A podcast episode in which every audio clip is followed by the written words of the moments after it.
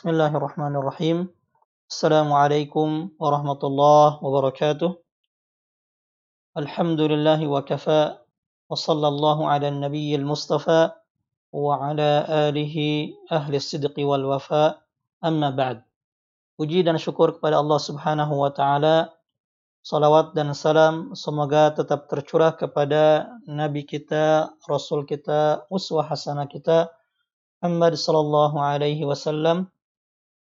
Beserta keluarga, sahabat dan para pengikut beliau hingga yaumul qiyamah. Ikhwan fiddin, a'azzani Allah wa iyyakum. Ini adalah pertemuan ke-13 dari kajian rutin selama bulan Ramadan tahun 1441 Hijriah membahas kitab Mukhtasar Ahadis Siyam Ahkamun wa Adab atau ringkasan hadis-hadis seputar puasa, hukum-hukum dan adab-adabnya yang ditulis oleh Syekh Abdullah bin Saleh Al-Fauzan. Eh, pada kesempatan kali ini kita akan membahas hadis yang ke-13 yaitu tentang al-hadis al-thalis ashar masyru'iyatus siwak lis-saim.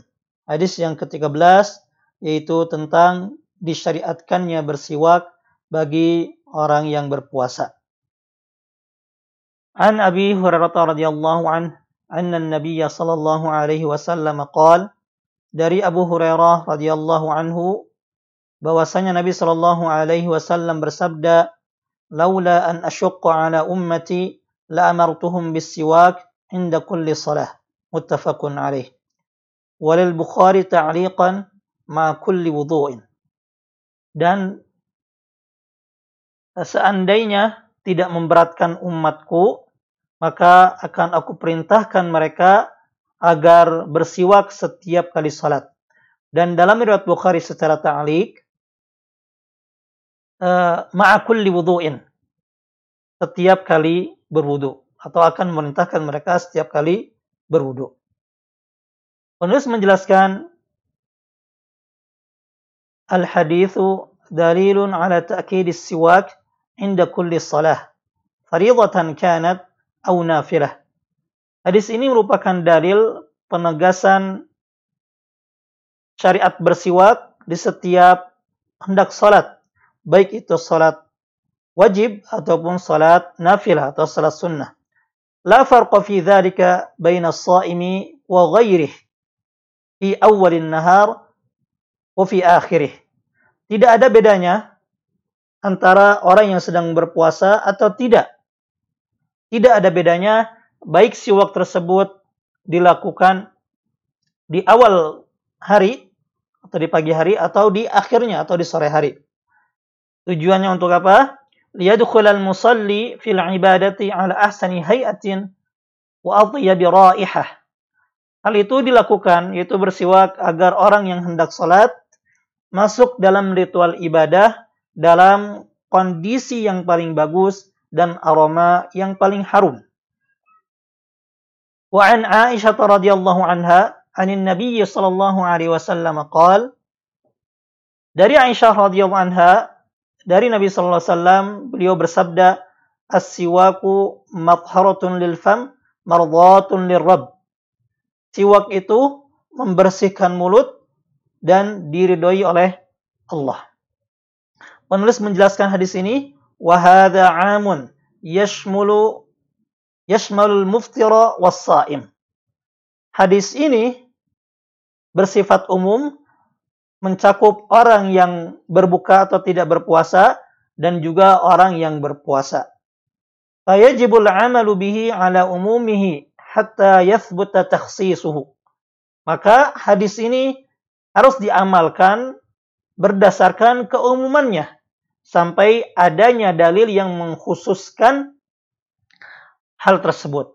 Walaysa lihadzal umum mukhassisun sahih dan tidak terdapat dalil lain yang mengkhususkan keumuman hadis ini. Jadi uh, dua hadis tadi itu hadis yang Abu Hurairah dan juga hadis Aisyah radhiyallahu anhum radhiyallahu anha itu menunjukkan keumuman disyariatkannya bersiwak baik bagi orang yang tidak berpuasa maupun orang yang berpuasa. Ya. Adapun dalil yang mengkhususkan tidak bolehnya atau makruhnya bersiwak ketika berpuasa, maka tidak ada yang sahih sebagaimana akan dijelaskan di penjelasan berikutnya. Qala Ibnu Arabi Ibnu Arabi mengatakan qala ulama'una para ulama kami itu madhab Maliki karena Ibnu Arabi adalah salah seorang madhab eh, salah seorang ulama dari madhab Malikiyah. Para ulama mereka mengatakan lam yasihha fi fi siwakis saim hadithun nafyan wala itsbatan tidak ada hadis yang sahih mengenai bersiwaknya orang yang berpuasa, baik itu hadis yang menafikan atau yang menetapkan siwak bagi orang yang berpuasa. Jadi artinya tidak ada hadis yang menyuruh untuk bersiwak atau yang melarang bersiwak ya ketika berpuasa. Illa anna Nabiya sallallahu alaihi wasallam khassa alaihi inda kulli wudu'in wa inda kulli salatin mutlaqa. Ya. Hanya saja Nabi Shallallahu Alaihi Wasallam menganjurkan hadwa, ya, menganjurkan untuk bersiwak ketika setiap kali berwudu dan ketika setiap kali hendak salat secara mutlak. Artinya apa? Min ghairi tafriqin baina sha'imin wa ghairihi tanpa membedakan ya orang yang berpuasa ataupun orang yang tidak. Ya. Jadi Nabi Shallallahu Alaihi Wasallam dalam dua hadis tadi ya menganjurkan kepada umatnya agar bersiwak ketika wudhu atau ketika salat. Tidak membedakan apakah dia uh, umatnya tersebut sedang saum atau sedang tidak. وندب وندب يوم الجمعة ila siwak walam yufarriq baina sha'imin wa ghairihi. Juga menganjurkan di hari Jumat untuk bersiwak tanpa membedakan antara orang yang berpuasa maupun yang tidak. Wa qad qaddamna fawaidahu al-'asharah fi at-taharah was-shaum ahaq ahaqqu biha. Dan telah kami jelaskan sebelumnya 10 manfaat atau faidah bersiwak dalam bersuci. Maka ketika berpuasa itu lebih berhak ya, lebih berhak untuk dilakukan karena itu ibadah. Kemudian uh, penulis menjelaskan tentang uh, lemahnya atau pendapat yang rajih tentang hukum bersiwak ketika berpuasa. Wal qawlu bimashru'iyyati siwak lis-shaim huwa raji fi hadhihi al-mas'alah. Pendapat yang mengatakan bahwa siwak tetap disyariatkan bagi orang yang berpuasa adalah pendapat yang rajih dalam masalah ini. Jadi penulis yaitu Syabdullah bin Sa'al Fauzan hafizahullah taala merajihkan pendapat bahwa ya, bersiwak itu tetap disyariatkan ya tidak makruh bagi orang yang berpuasa. Ya, tidak membedakan baik pagi ataupun siang ataupun sore. Dan hal itu sebagaimana ditegaskan juga oleh Syekhul Islam Ibnu Taimiyah rahimahullahu taala yang mana beliau mengatakan lam yakum ala karahatis siwak ba'da zawali dalilun syar'iyyun yasluhu an yukhassisa umumati nususis siwak. Pendapat yang mengatakan makruhnya bersiwak setelah zawal. Zawal itu adalah uh, pertengahan hari hingga terbenamnya matahari. Ya. Pendapat yang mengatakan bahwa bersiwak makruh setelah setelah pertengahan hari itu tidak mempunyai dalil yang bisa dipertanggungjawabkan, yang bisa mengkhususkan ya, keumuman nas-nas atau dalil-dalil tentang disyariatkannya siwak.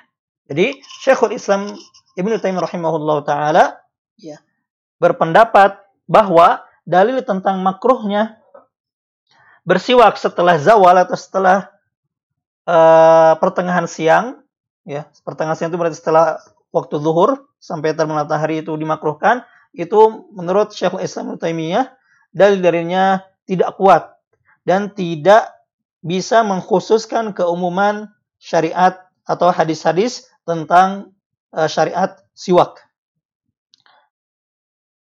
Kemudian penulis menjelaskan tentang dalil yang dipakai oleh orang-orang atau pendapat yang mengatakan bahwa uh, dimakruhkan bersiwak setelah zawal atau setelah pertengahan hari sampai terbenam. Penulis menjelaskan, "Walladzina qalu bi karahati siwak bis-shaim ba'da zawal istadallu bi hadis Ali radhiyallahu anhu."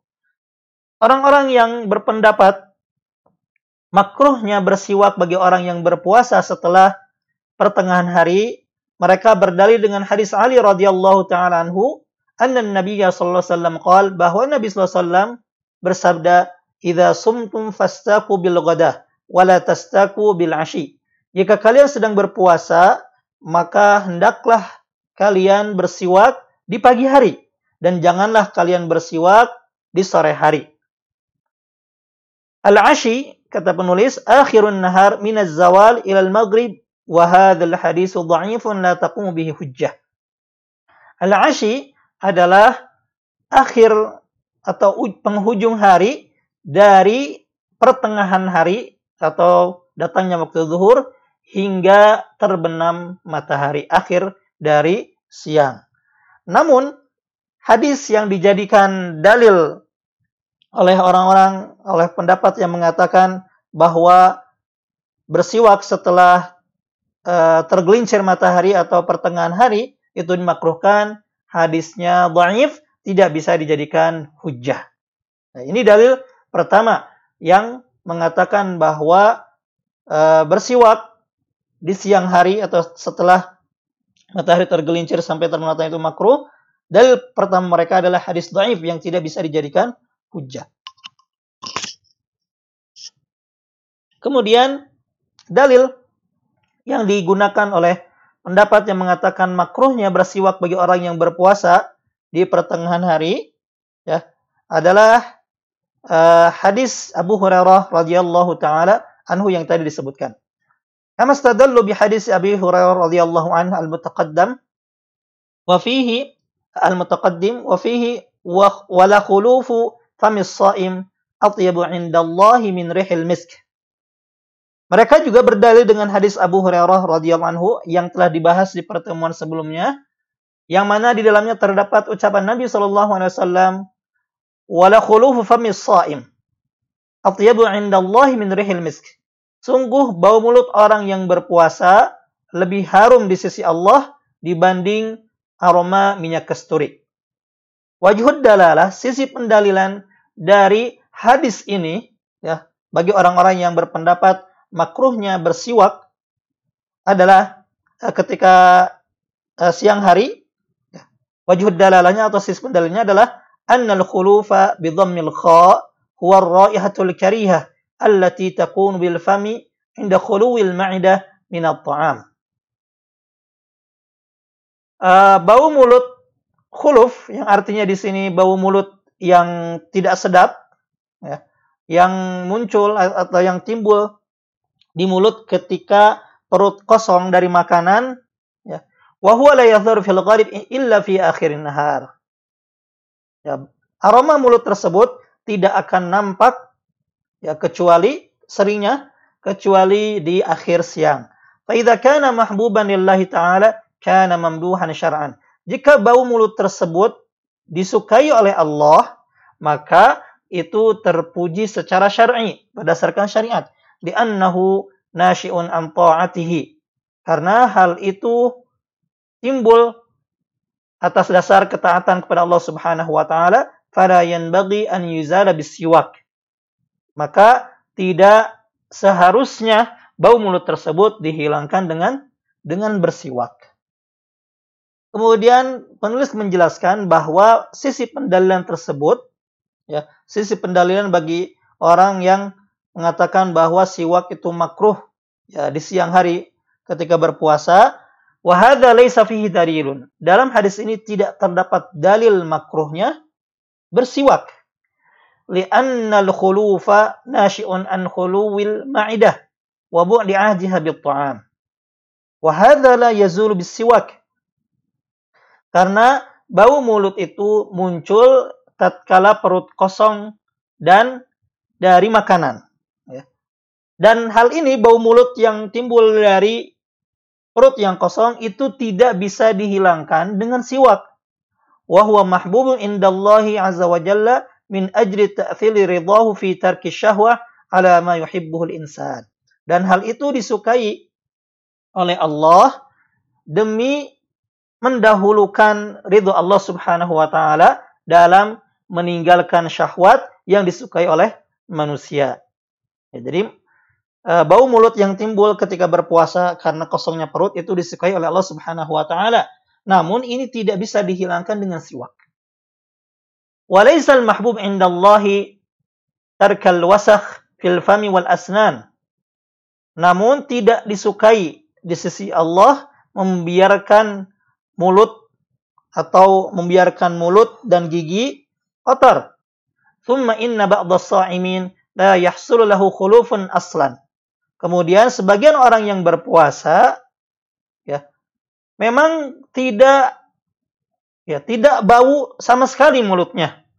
Faktornya bisa jadi imma li safai ma'idatihi, bisa jadi karena uh, perutnya yang bersih, aw li anna ma'idatahu la tadhamu at-ta'am bisur'ah. Faqad yahsulul khuluf qabla zawal.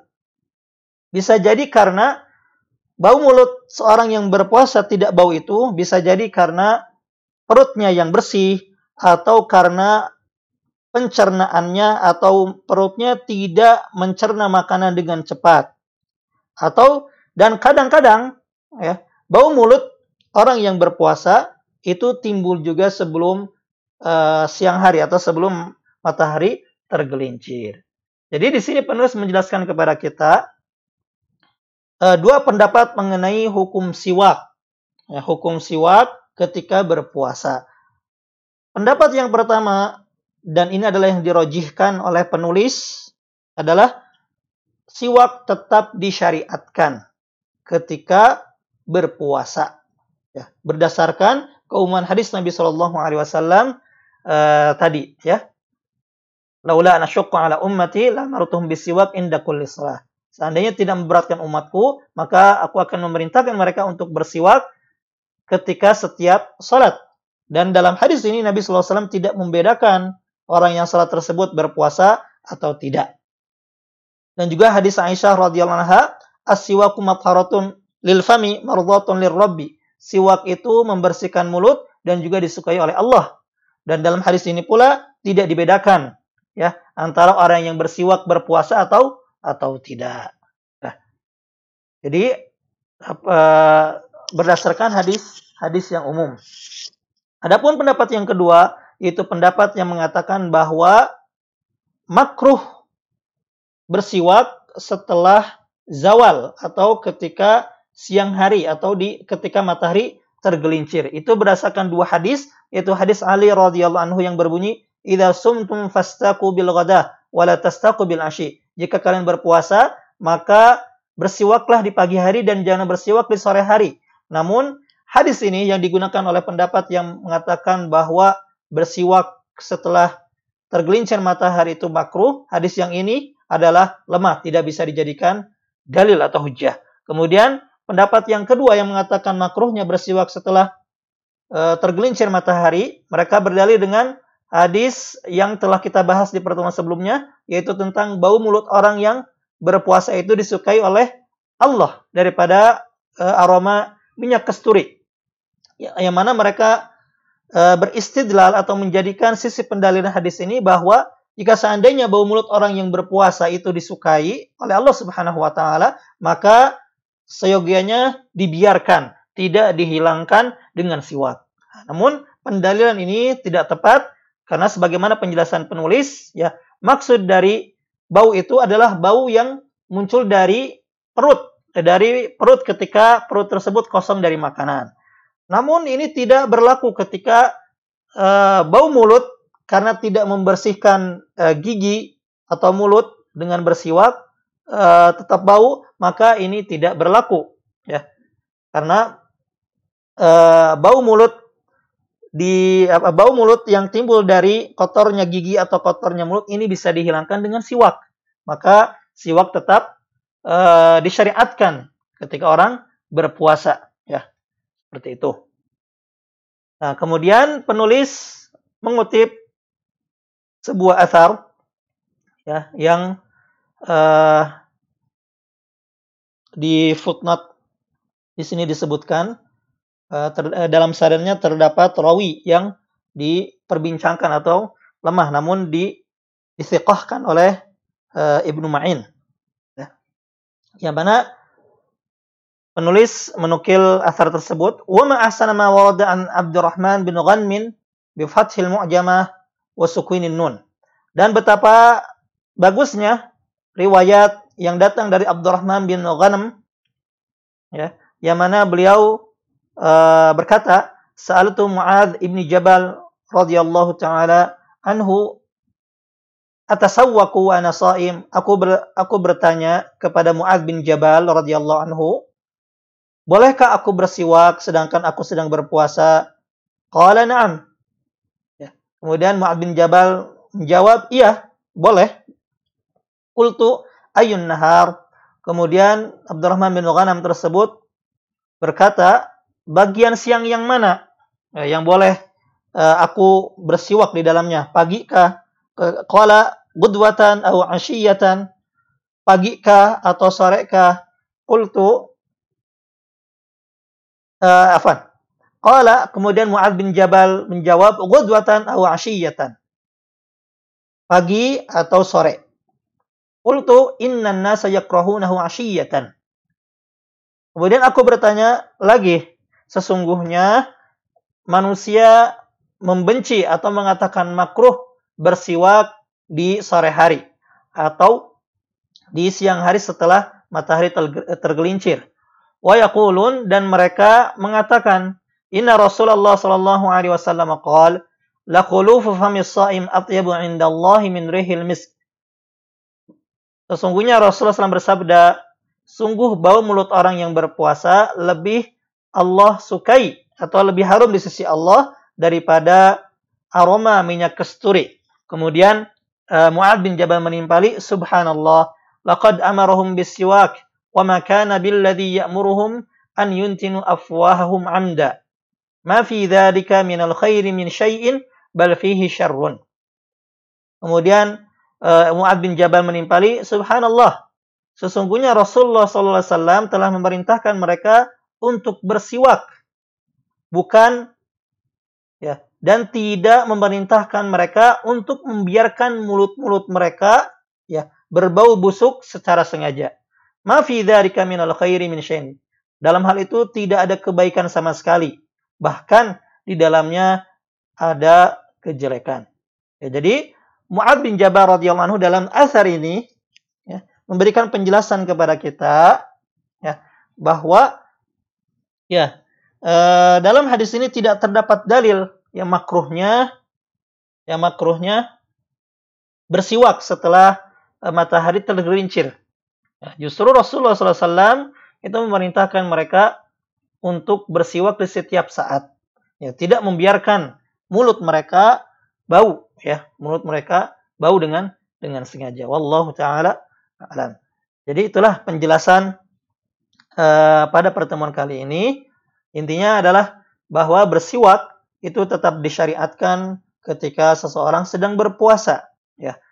Sedang berpuasa, baik itu di pagi hari maupun di sore hari.